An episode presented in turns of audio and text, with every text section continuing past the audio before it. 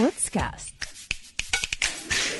برنامج بودكاست اجتماعي ثقافي وتوعوي بناقش الحياة المقدسية في ظل جائحة كورونا عبر منصة أجيال. ومعكم نجاح مسلم. عم تسمعوا لبرنامج بودكاست. كل خميس رح نروح سوا للمجتمع المدني المقدسي لننقل روح تفاصيل القصة. ليكون الراوي أقرب إلكم وإلنا. بودكاست. بتنفيذ من مؤسسة الرؤية الفلسطينية وبدعم من الاتحاد الأوروبي. الإبداع هو الدافع والمحرك الأساسي لكل واحد فينا لحتى يتقدم. في ظل ما نمر فيه من تحديات من كورونا وغيرها من هموم يومية فما بالك لو حكينا عن إبداع من القدس ولأهل القدس؟ للتأكيد على الهوية الفلسطينية وحقنا بالعيش بكرامة. نحافظ على تاريخنا وعلى ثقافتنا وعلى أرضنا. لهيك رح نتعرف اليوم على مفهوم الإبداع من منطلق تجارب شخصية بتحاكي شغفها وبتخدم مجتمعها وتحديدا للقدس. عم تسمعوا لبرنامج قدس كاست إذا مبدعون من القدس.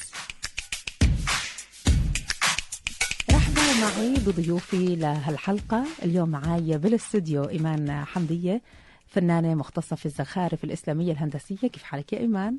مرحبا كيف حالك سماح؟ أهلا وسهلا فيكي إذا رح نكون كمان عبر سكايب معنا نجلاء عبد اللطيف وهي ناشطة بيئية ومصورة رح نتعرف عليك أكثر نجلاء نجلاء كيف حالك؟ الحمد لله تمام. يسعد أوقاتك يا ربي. أهلا وسهلا فيكي. وكمان معنا عبر الخط الهاتفي لبنى الصانع من حراك صدى للفنانين في فلسطين. لبنى أهلا وسهلا فيكي يا لبنى. أهلا ترى. كيف حالك؟ إيه، أنا منيحة. كيف أنتم؟ إحنا الحمد لله تمام. طمنينا عنك يا لبنى. هلا أنت وين موجودة في القدس؟ إيه، أنا موجودة بشرفات القدس. أهلا وسهلا فيك. يعني أجل ما في أثير أجيال إنه بيجمعنا معكم هي نجلاء عبد اللطيف ما بين السويد وعمان والقدس. فيعني عم بيجمعنا معك اليوم سكايب عبر أثير أجيال واليوم معي إيمان. اسمحوا لي أبلش مع إيمان لنحكي عن مفهوم الإبداع ككل بالأول. إيمان شو بالنسبة لك لما أحكي أنا إبداع؟ عم بحكي عن شغف. يعني أنت اليوم أصلا رح تيجي تحكي لنا عن تجربتك الشخصية وشغفك في مجال الهندسة والزخرفة. الإسلامية تحديدا. بس لما أحكي لك إبداع وبعمر الشباب شو بيعني لك؟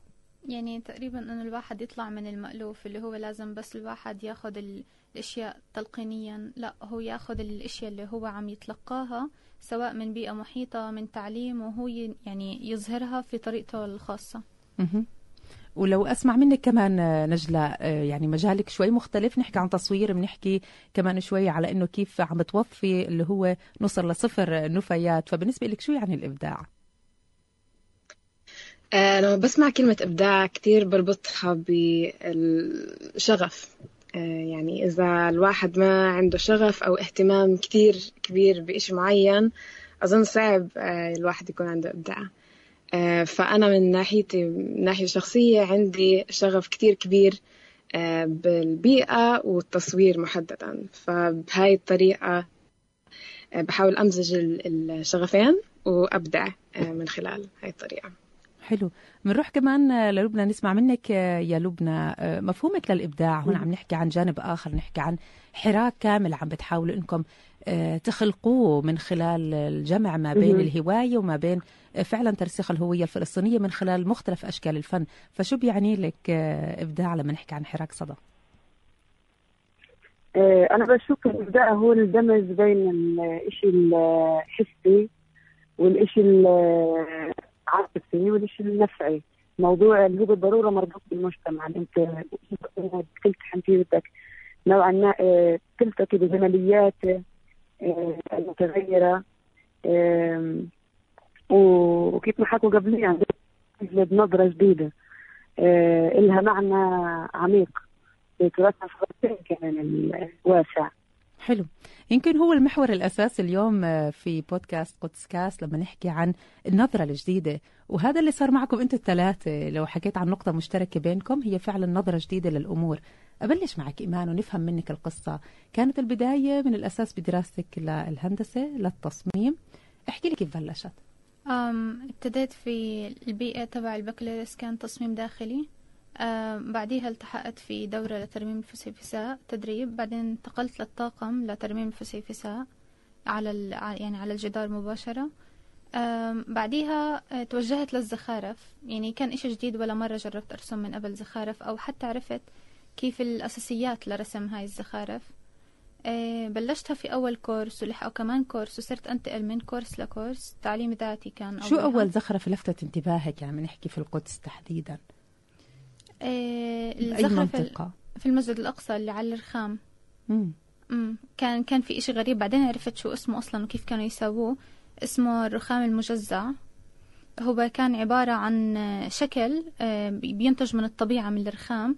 بس بيعملوا له تناظر بطريقة إنه زي بقصوه زي اللايرز بعدين بعم إنه ب- بيحطوه على الواجهة في طريقة متناظرة على أربع محاور. فبطلع زي شكل لوحة فنية اللي هي أنت يعني هي مش من تأثير أي إنسان كيف الصخرة نفسها أو ال- الرخام نفسه متداخل في الألوان بس تكوينه كتكوين رائع. فهذا أول ما لفت نظري يعني كان في المسجد الأقصى. وبعديها ضليتني أدور على كورسات أكتر وأحاول أكتر أعرف عن الإشي وأتعمق فيه أكتر. لحد ما التحقت في مؤسسة مملوك وخلصت معهم دبلوم وصرت مدربة معتمدة منهم. مملوك هي أصلا مختصة بالزخارف في مصر. مزبوط مزبوط في الزخارف الإسلامية الهندسية. مهم. طب شو اللي خلاك يعني هيك تعملي هذه الخلطة؟ خلينا نحكي هندسة الديكور كأنه بروح الواحد عقله للإشي المودرن أكتر. مم. بعدين حكيتي لا أنا في عنا طابع جمالي مميز في مدينة القدس تحديدا. صح. خلينا أختص فيه. قد شفتي نظرتك اختلفت؟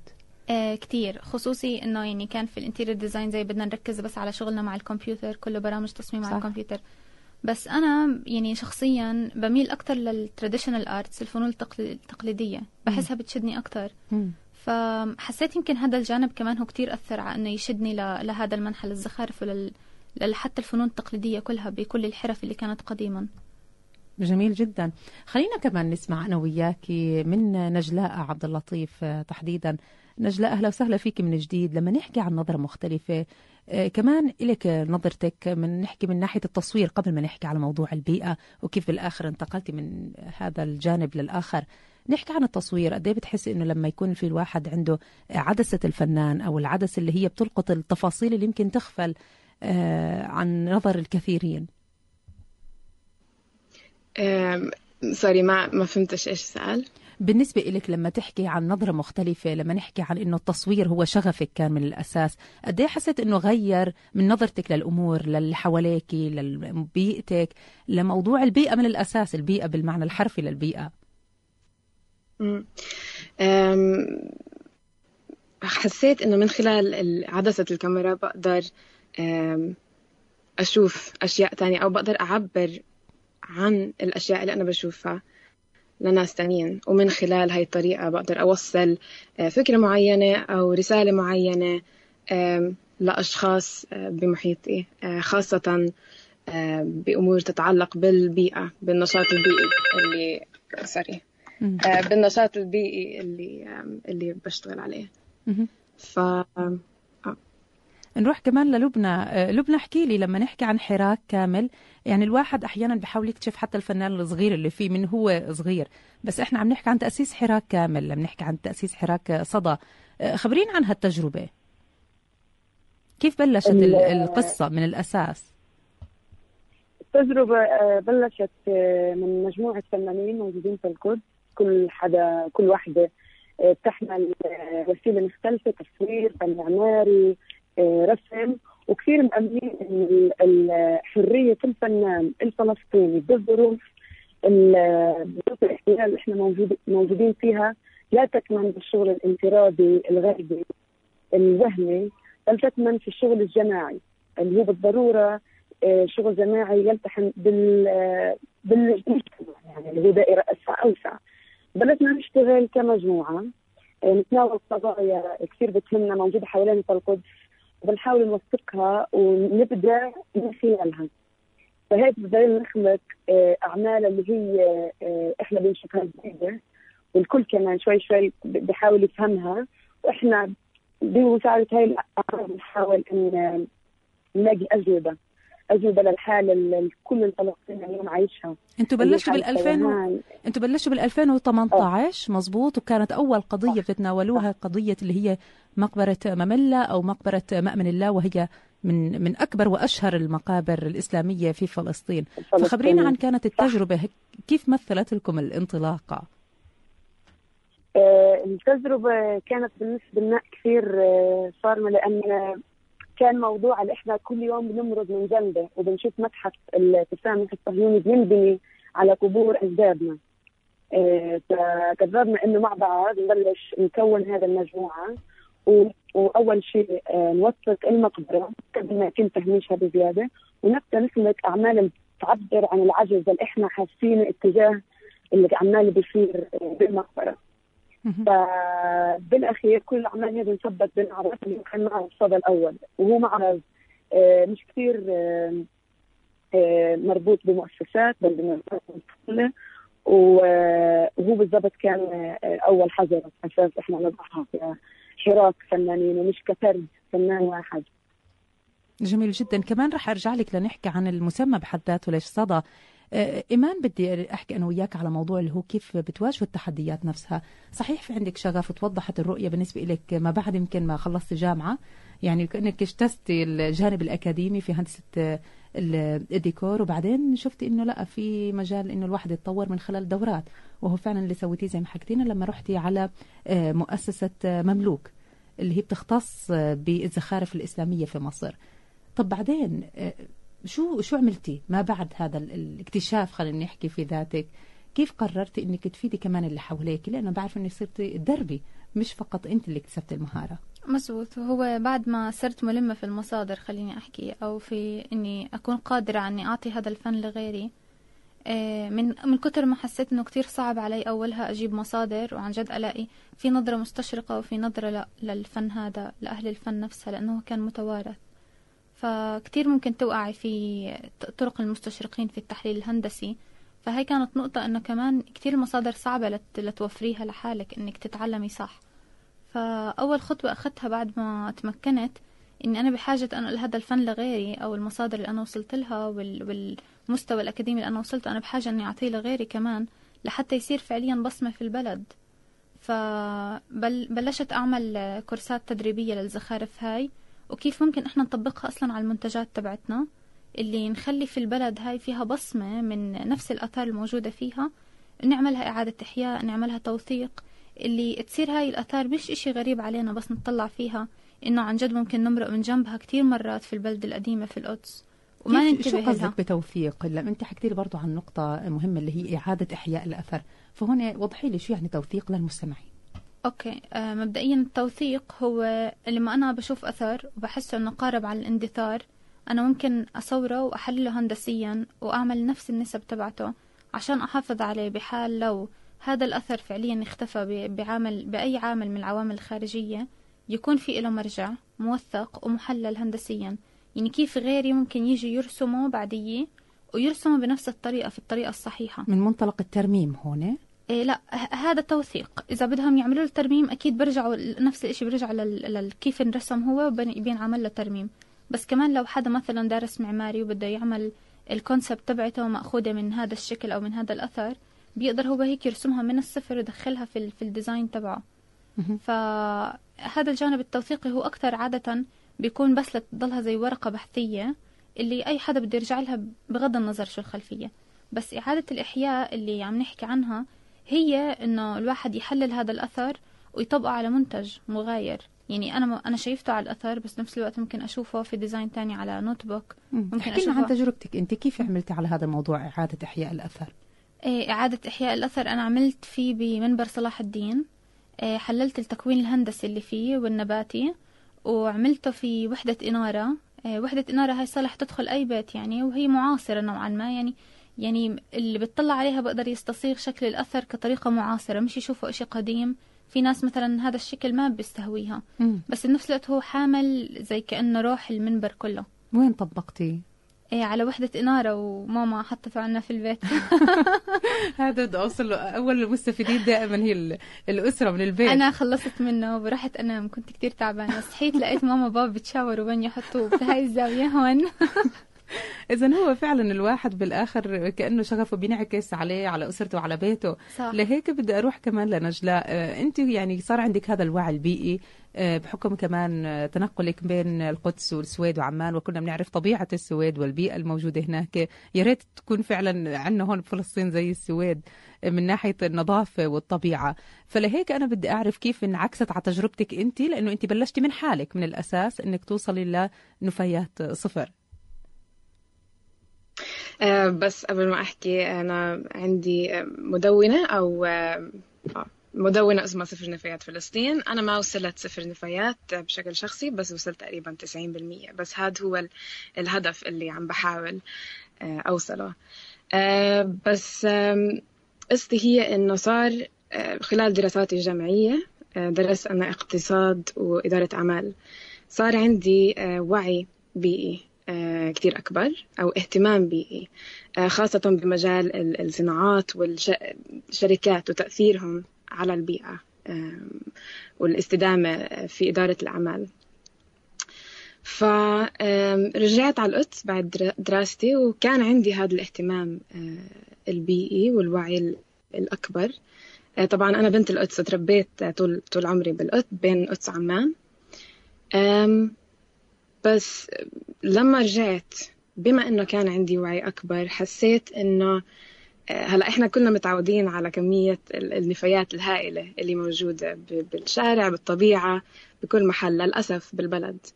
آه، وصار عندنا نوع من انه إنه خلص تعودنا على هذا الإشي. يعني إحنا أصلا يعني تعودنا إنه دائما الشوارع مليانة آه، زبالة ونفايات. وعادة يعني منلوم آه، أي إشي تاني أو أي حدا تاني غيرنا مثلا البلدية والأشخاص التانيين اللي بيكبوا زبالة مثلا. وهذا الإشي صحيح بس عادة ننسى أثرنا إحنا أو تأثيرنا إحنا. الشخصي آه، على البيئة. مسؤولية كل واحد فينا صح. بالضبط. وبننسى إنه إحنا آه، جزء كبير يعني ننتج نفايات. آه، حتى لو ما بنكبها بالشارع بس إحنا يعني بنساهم في إنتاج نفايات وفي بنساهم في الاستهلاك الفارط آه، وإنتاج النف- النفايات ال- الزائد هو نتيجة من الاستهلاك ال- الهائل اللي عم آه، للأسف صرنا إحنا مجتمع استهلاكي آه، كثير كبير. ف فكيف من بلشتي. انت في حالك؟ كيف بلشتي؟ بأنه عم نحكي عن مسؤولية فردية لكل واحد فينا لأنه هو جزء من المجتمع. كيف بلشتي انت من ناحيتك إنك تحققي هذا الهدف؟ بالضبط. فبما أنه كان عندي هذا الاهتمام والوعي آه، صار يصير عندي قلق داخلي. آه، كل ما أشوف إشي كل ما أشوف نفايات أو آه، حد بيأثر على البيئة بشكل سلبي. فقررت أنه أبدأ من حالي وأصير أعيش بطريقة ملائمة مع البيئة بأقل تأثير على البيئة ممكنة وعشان هيك في حراك آه، أو مفهوم اسمه زيرو ويست أو صفر نفايات وين ما المفهوم هو إنه نعي الواحد ال- الأفراد يعيشوا آه، بطريقة آه، تنتج أقل نفايات ممكنة أو ما تنتج بنفايات أبدا. فهذا اللي قررت أسويه أبدأ من حالي وبنفس الوقت سويت مدونة من خلالها بكتب عن تجاربي في إنه أعيش هاي طريقة الحياة وأقدر أوصل أوصل هاي هذا المفهوم أو هاي الرسالة أو هاي الطرق للمجتمع آه، بمحتوى ملائم ومخصص للوطن العربي ولفلسطين آه، بما إنه ما عندنا أنظمة آه، للتعامل مع النفايات بشكل فعال أو ما عندنا أنظمة إعادة تدوير زي ما بتكون متواجدة بأماكن وبلاد تانية. كمان خلينا نروح آه، للبنى عشان أعرف آه، منك لما نحكي عن إنه كيف الواحد بينطلق من نفسه بعدين بيروح للمجتمع عم نحكي عن صدى صدى على طول بتبادر لذهننا إنه في أثر عم بينترك والكل عم بيتلقى هذا ال- ال- الصدى فليش سميته صدى؟ بالنسبة بالضبط، للحراك. آه، كيف ما أنت بالضبط كيف ما بلشت تحكي إن الفكرة كانت إن كيف آه، تناولنا قضية منلة وبالأعمال حاولنا آه، نوثقها ونحكي عنها ونحكي عن مشاعرنا باتجاهها فنفس الشيء آم، صوت الصدى لما يبلش من نقطة واحدة ويصير آه، له كثير كثير تجاوب كثير ردود كثير مأمنين كمان إن التجربة الجماعية تبعتنا. بالأخير كل فرد بالمجموعة. راح يخلق هذا الدائرة تبعت صدى بحياته الشخصية. وهيك بكمل الصدى يلا مسموع عند كل وحدة واحد مشاركين بالحراك. يعني من القدس للمناطق اللي إحنا جايين منها. فالاسم كان من ناحية حتى صورية كثير آه، لنشاطات ال- الحراك آه، غير إن الحراك نفسه مش نكون بس على معارض يعني كثير كنا نشوف التواجد تبعنا بالشارع هو مش أقل أهمية من تواجدنا بالمعارض وبالاستوديو. طب على شو بتركزوا ف-؟ على شو بتركزوا بالأعمال الفنية هاي بمختلف أشكالها؟ عم نحكي هون عن فن تشكيلي بنحكي عن آه، فنون بصرية بنحكي عن أشكال مختلفة. على شو بتركزوا في كل صح. هذه المعارض أو الرسومات؟ آه، عادة بيكون آه، قضايا كثير مهمة يعني. ثاني معرض تبع اللي قمنا عليه كان لفتة أكيد كلكم بتعرفوا لفتة آه، اللي هي قرية مهجرة موجودة بداخل القدس من أجمل القرى الفلسطينية. هي بالضبط واجهة الترحيب لمدينة القدس فكان هناك ساحر كل أسبوع ننزل نزور هاي المنطقة كمجموعة ونكتشفها ونكتشف الضغط الموجودة فيها. آه، نشوف وين بلو- بدأوا يستوطنوا بأي بيوت. آه، فصار شيء إحنا كثير آه، عايشين. آه، هذا نوع واحد مثلا من المناطق اللي كمان نزورها. آه، بس بشكل عام كثير مأمنين بالنضال من خلال الفن والفن من أجل النضال. يعني آه، شايفين إنه بالأخير التوحيد مجموعتنا هو لازم يجي من ضمن توحيد كمان كل الشباب الفلسطيني. صحيح. فكيف كنا نشتغل مع حركات طلابية فلسطينية نقطة ثانية.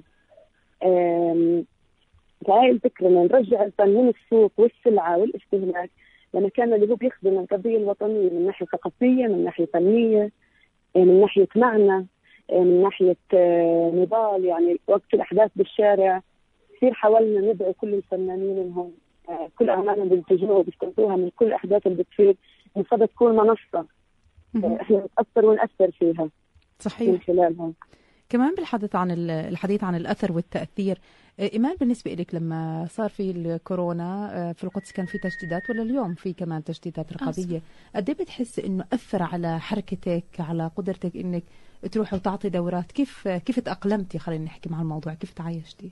هلا هو بداية آه انفرضت كتير آه، قوانين كانت من وزارة الصحة بس إحنا التزمنا في كل التعليمات يعني كنا نعطي في مكان مفتوح شبابيكه مفتوحة كنا كلنا نكون لابسين كمامات ماشيين على العدد المسموح في التواجد في القاعة.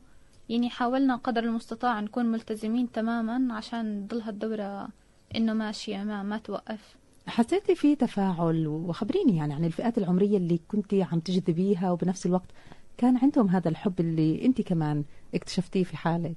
اي آه كلهم كان عندهم شغف. كان كثير هم كانوا مجموعتين كانوا مجموعتين كتير شو حلوين. أعمارهم؟ يعني بتحكي من 25 وممكن لحد يمكن أكبر حدا كان بينهم 36 مم. يعني بهذا ال- ال- ال- العمر. آه. كتير كان حلو. ووقتها هو مش بس كمان أثرت الكورونا كمان أحداث القدس وقتها أثرت. إحنا كنا بدنا نساوي أول معرض اتكنسل وصرنا نقول بدنا نأجل عشان عشان الكورونا. تاني معرض عشان القدس صار حالتها كان كتير صعب إنه نساوي فيها معرض. آه. بس هي هاي النقطة خلتنا ننطلق لنقطة تانية إنه لا آه، بالعكس الوضع هذا نعبر فيه آه، ويكون عن جد هو المنصة لتعبيرنا عن اللي عم بيصير في القدس والواقع اللي بنعيشه فعكس هذا في كل شغل المعرض عشان هيك سميناه ترس القدس. آه احكي لي ترس القدس اللي هو الدرع مزبوط بالضبط درع القدس. آه، هلا ترس القدس أو درع القدس يعني آه، هو ترس عنصر من عناصر الزخارف الإسلامية الهندسية. بس لما دورت في المعجم لقيت إنه هو كمان درع وإحنا كنا بدنا هذا المصطلح. يعني بعد الأحداث صرنا بدنا ندور لأنه المحور كل المعرض حوالين القدس كل واحد يعبر من جواه شو هو عم بحس. آه، فدورنا لقيت أنا درع القدس اللي هو ترس القدس فكان رائع هذا ال ال الاختيار. فكان كل حدا من المشتركين عم يعكس مشاعره في اللوحة تبعته أو في العمل تبعه. كتير في كان أعمال اللي هي مستلهمة من وضع القدس القائم. هلا هو مبدئيا أنا بقدر أحكي عنه درع القدس حتى لو ما كان مستلهم لأنه هو عم بيحمل الآثار الموجودة في القدس. مم. فهو فعليا يعتبر هيك درع كافي.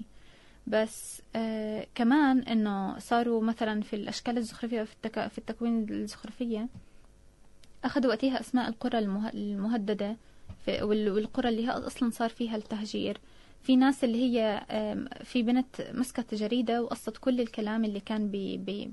يعني بيلمسها زي غضب عنف أسرى آه، احتلال قصتهم وساوتهم هم الخلفية للتكوين الزخرفي تبعها. فيعني في ناس عكست مشاعرها في في المعرض كمان فكان حلو. جميل. دائما أنا بحكي إنه قد ما يكون في الواحد عنده شغف ومثل هيك عم تحكي عن مبادرات فعليا هي بتخدم المجتمع. يعني أكيد. مش بس من باب هواية وإنه نتعلم فن مع إنه كثير مهم. بس هون عم نحكي إنه كيف بده ينعكس على هويتنا آه، كفلسطينيين وتواجدنا في القدس. لهيك بحب أعرف منك إنه لو اليوم بدك أنت توجهي رسالة آه، شو طبيعة التحديات اللي عم بتواجهكم واللي بالتالي بتحتاجوا حدا يساعدكم لحتى تتجاوزوها لحتى تنتشر الفكرة أكثر؟ مبدئيا صراحة أنا مش حاسة في تحديات مبدئيا عشان نوجه الفكرة بالعكس الفكرة عم تطلع وإلها جمهورها. وبالعكس أنا بحس إقبال الناس عليها كتير شغوف إنه كل الناس بتحب تتعلم هذا الشيء لأنه لسه جديد. مم. وعادة الكل بيرغب الجديد ف في عندنا جهات مختصة في الزخارف الإسلامية؟ لأن هذا بدي أسألك إياه إنه ال- ليش رحتي على مصر مثلا؟ أو توجهتي للمؤسسة اللي تابعة لمصر؟ ما ما كانش في عنا مصادر ولا حتى يعني حتى في العالم كله المصادر جدا قليلة. يعني بشكل خلينا نحكي موسع يعني. آه، خصوصي زي ما قلت لك إنه أنت تبعد عن التحليل تحليل المستشرقين أو الطرق المستشرقة وتروحي للطرق الأصلية اللي كان يتحلل فيها واللي هي كانت متوارثة أب عن جد وهيك كلهم يورثوا. فبالعكس كتير حلو لما تعطي هذا الإشي لغيرك وتشوفيهم قد إيه مبسوطين ومستمتعين. باخذ من وقتك التحليل الزخرفي؟ أكيد طبعا مم. والتطوير وأصلا تحضير المنهج اللي بدك تعطيه لل- لل- للمشترك عشان تقدر توصليه في الطريقة الصحيحة شو يعني منهج؟ هلا أنت عم تحكي أشياء بالنسبة لك بديهية آه فلا أنا بحب كمان ننقل تجربتك للمستمعين أكيد شو آه المنهج؟ اللي هو فعليا لما أنا أجي بدي أشرح هاي الزخارف من A to Z أنا بعمل دورة اسمها ت- دورة تمهيدية أو تأسيسية اللي هي بتتناول كل المحاور تبعت الزخارف تقريبا بشكل مبسط زي كيف بدك تعطي لمحة آه، لحدا عشان يعرف هذا المجال هل هو فعلا برغبة ولا لا. لو برغبة بعديها بقدر يكمل فيه دبلوم لو لا خلص هو بيكون أخذ فكرة بيكون عرف يقرأ أي أثر ب- بيواجهه آه حلو بوصل لهي المرحلة. أه. آه. طبعا طبعا يعرف شو نوع الاثار آه، يقرأه يقرأ العناصر المكونة فيه. آه، بيقدر يتوصل لتحليل بعض ال ال الشبكات الزخرفية. مش كلها يعني إحنا مرقنا عن كم من شغلة كانت موجودة أصلا في القدس وعملنا زيارة للمسجد الأقصى آه، وشافوا ال ال الآثار اللي هم أصلا كانوا يعني يرسموها. جميل جدا. كمان بدي أروح لك آه، نجلاء بدي أرجع لك لما نحكي عن اللي هو انه نوصل لهذا المستوى من الوعي إنه آه، نقلل على الأقل من النفايات. يعني حتى أنت شغال على هذا الموضوع من سنين وما بتحكي إن 90% وصلت له. فلما إحنا لسه بدنا نزرع هاي الفكرة عند الناس إنه غير إعادة التدوير كمان هون عم نحكي إنه نقلل من النفايات بحد ذاتها. ست تتوجه إلى المدارس. فخبرينا عن هاي التجربة. قد إيه حسيتي في تفاعل في رغبة بانه الناس تكتشف طرق آه، جديدة إنه كيف ممكن فعلا نقلل النفايات؟ أكيد. آه، هلأ هو زي ما بز... زي ما حكيتي إنه آه، مبدأ صفر نفايات هو إنه يعني ما حتى لو ما في فرص لإعادة التدوير في البلد آه، هاد ما نشوف هذا الإشي كعائق. لأنه كل المفهوم هو إنه نقلل من الاستهلاك عشان نقلل أو ما ننتج نها- نفايات نهائيا آه، عشان ما نكون دائما لازم نكون معتمدين على أنظمة فعالة لتدوير إعادة التدوير وفصل النفايات. وكتير بس يعني كتير مبسوطة إنه في ردود آه، أو في تفاعل من بعض المدارس بفلسطين والقدس. مهتمين أو في مدارس عندهم آه، مجموعات بيئية مع طلاب وطالبات مهتمين آه، بالبيئة آه، خاصة بحبوا يسمعوا عن تجربتي. و كان في كتير آه، ردود فعل إيجابية وتفاعل آه، أسئلة بتنسأل ف شو فبحس حسيت إنه- غير شو حسيت غير من حياتك من نمط حياتك؟ لأنه هون إحنا عم نحكي عن نمط حياة آه، مستمره لما نحكي عن تقليل النفايات نحكي عن أسلوب حياة مختلف. فقد إيه حسيت إنه غير من أسلوب الحياة؟ وهل فعلا الواحد قادر على إنه يكون في استمرارية بهذا النهج؟ حسيت طبعا هو الإشي بياخد وقت أكتر من من ال... بشكل بشكل آه بياخد وقت لأنه لازم الواحد يخطط آه، أو يخطط يومه أو مثلا قوام احتياجاته قبل ما يروح يشتري إشي ويسوي الإشي من الصفر أو ينتج أشياء بنفسه. ف بس بنفس الوقت في يعني ال...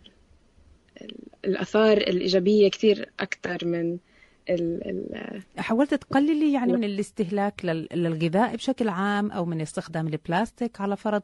فهمينا هيك يعني بالحياة اليومية كيف غيرت؟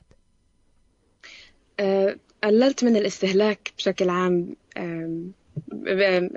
الاستهلاك بشكل عام يعني كل الاستهلاك خاصة إنه أشتري أشياء جديدة أو استعمالات البلاستيك أو إنه استعمالات الأشياء اللي بس نقدر نستعملها مرة واحدة.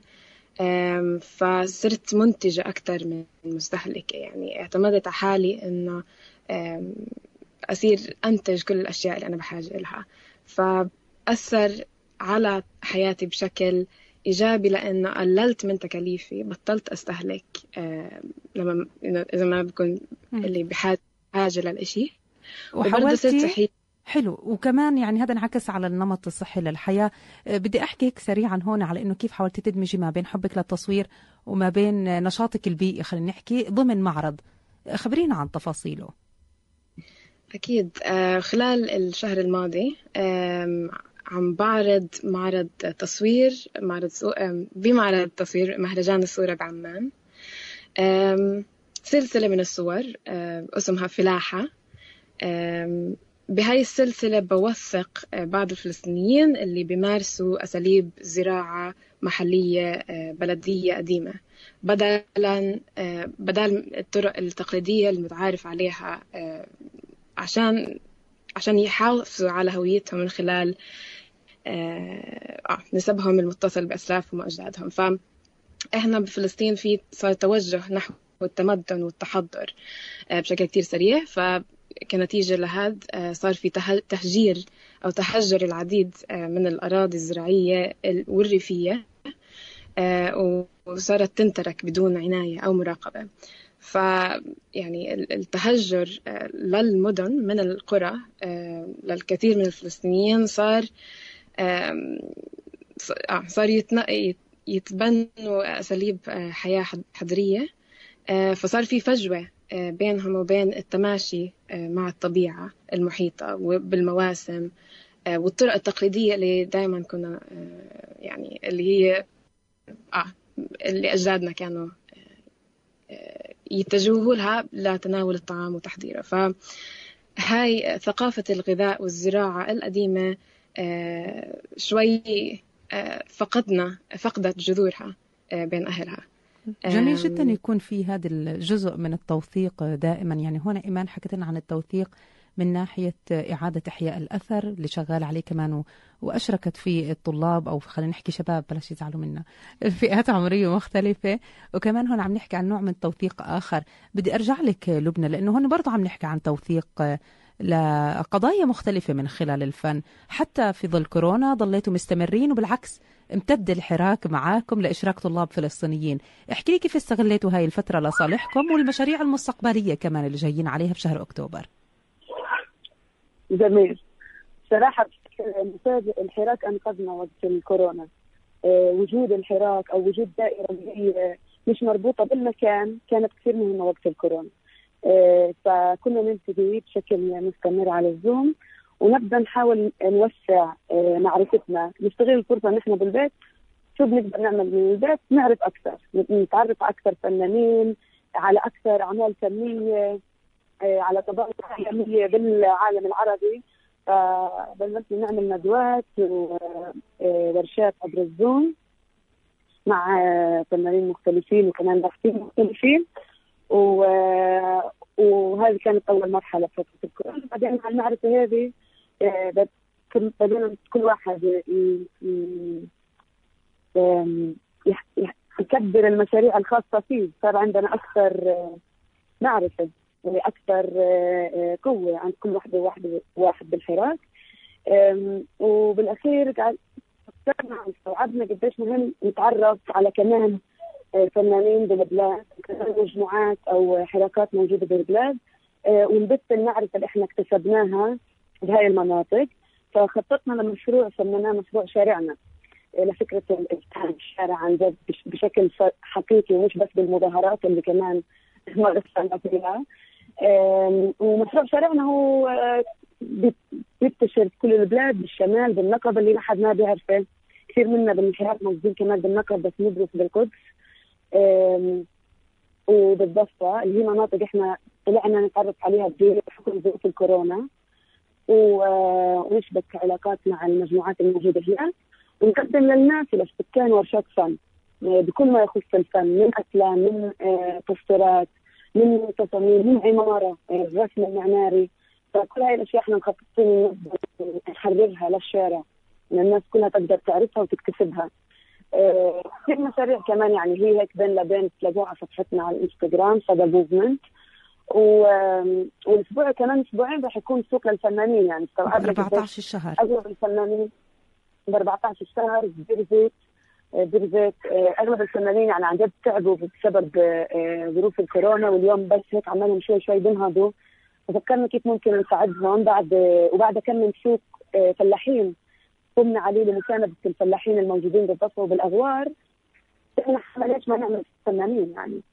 ف رجعنا وقمنا بالخطوة وراح يكون أول سوق فنانين للحراك ب 14 شهر كل فنان اللي حاب يشارك يقدر يتواصل معنا ويبعث أعماله ومع بعض نرتب الموضوع ومشروع شرعنا راح ينطلق من السنة الجاية إن شاء الله. إن شاء الله.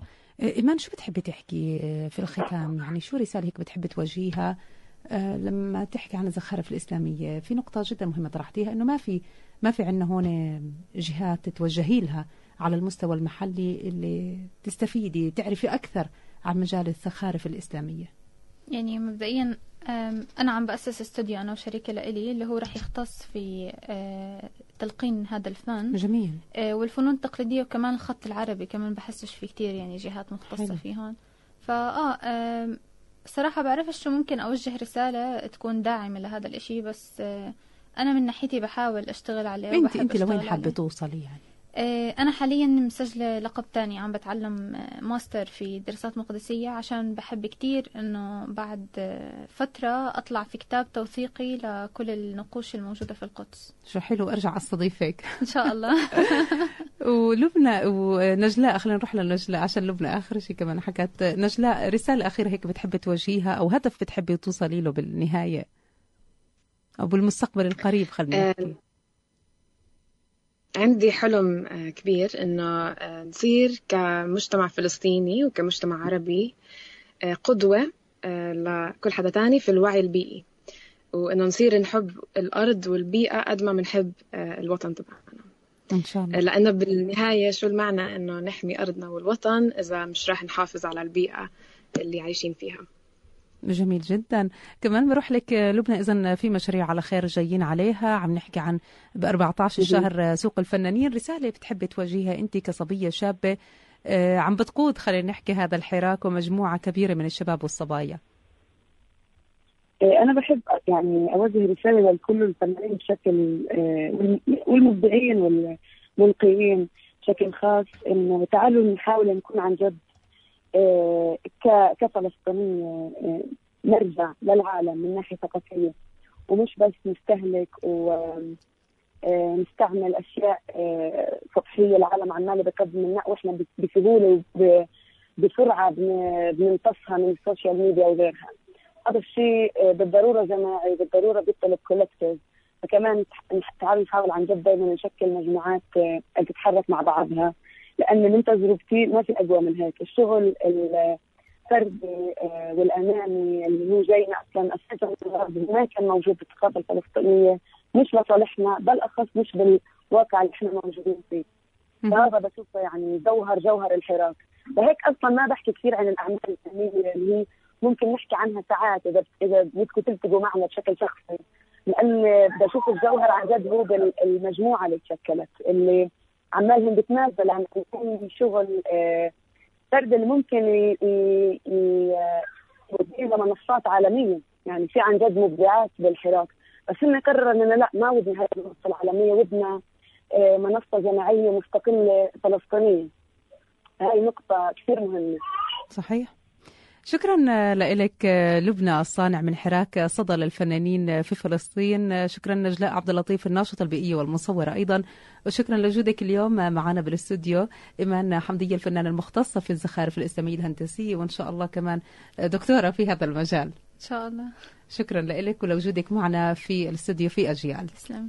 إذا عم تسمعوا لبرنامج قدس كاس بتنفيذ من مؤسسة الرؤية الفلسطينية وبدعم من الاتحاد الأوروبي. إذا بالفعل ما أجمل من أن يكون هذا الإبداع محفزه أنت لأنه إحنا ببساطة جزء من هذا المجتمع الفلسطيني. فما بالك لما يكون جزء من هالإبداع أثاره عم تلمسها في نفسك وفي مجتمعك. شكرا لحسن المتابعة. كل المحبة لكم والتحية مني نجاح مسلم. باي باي.